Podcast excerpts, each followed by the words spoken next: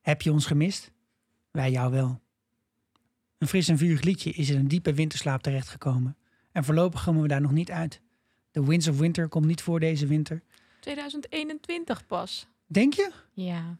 En House of the Heeft George Dragon zelf dan? gezegd. De nieuwe serie? Nou, ik denk ook zeker nu de opnames stil liggen. Ja, wacht. ik bedoel, ik- op die draken zit je ver genoeg uit elkaar, maar er zal ook heus wel weer wat met tieten en seks in nee, moeten. Ja. ik lees het hier. 2022. Ja, Ja.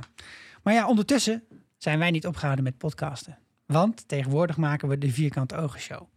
En daar hebben we het ook wel eens over Game of Thrones En over Khaleesi. en over Khaleesi. Hier een paar fragmentjes. voor John. En toen moest ik heel erg denken aan Voor de Wol. For the wall! John, Voor de Wol. We maken ook een Game of Thrones podcast.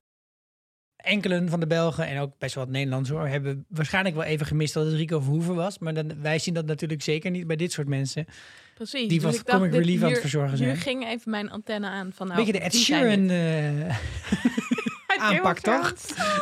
Oh. even beroemde mensen erin versnijden. En na Undercover, The Mandalorian. We zien je bij de Vierkante Ogen Show. Want wij Zijn fan.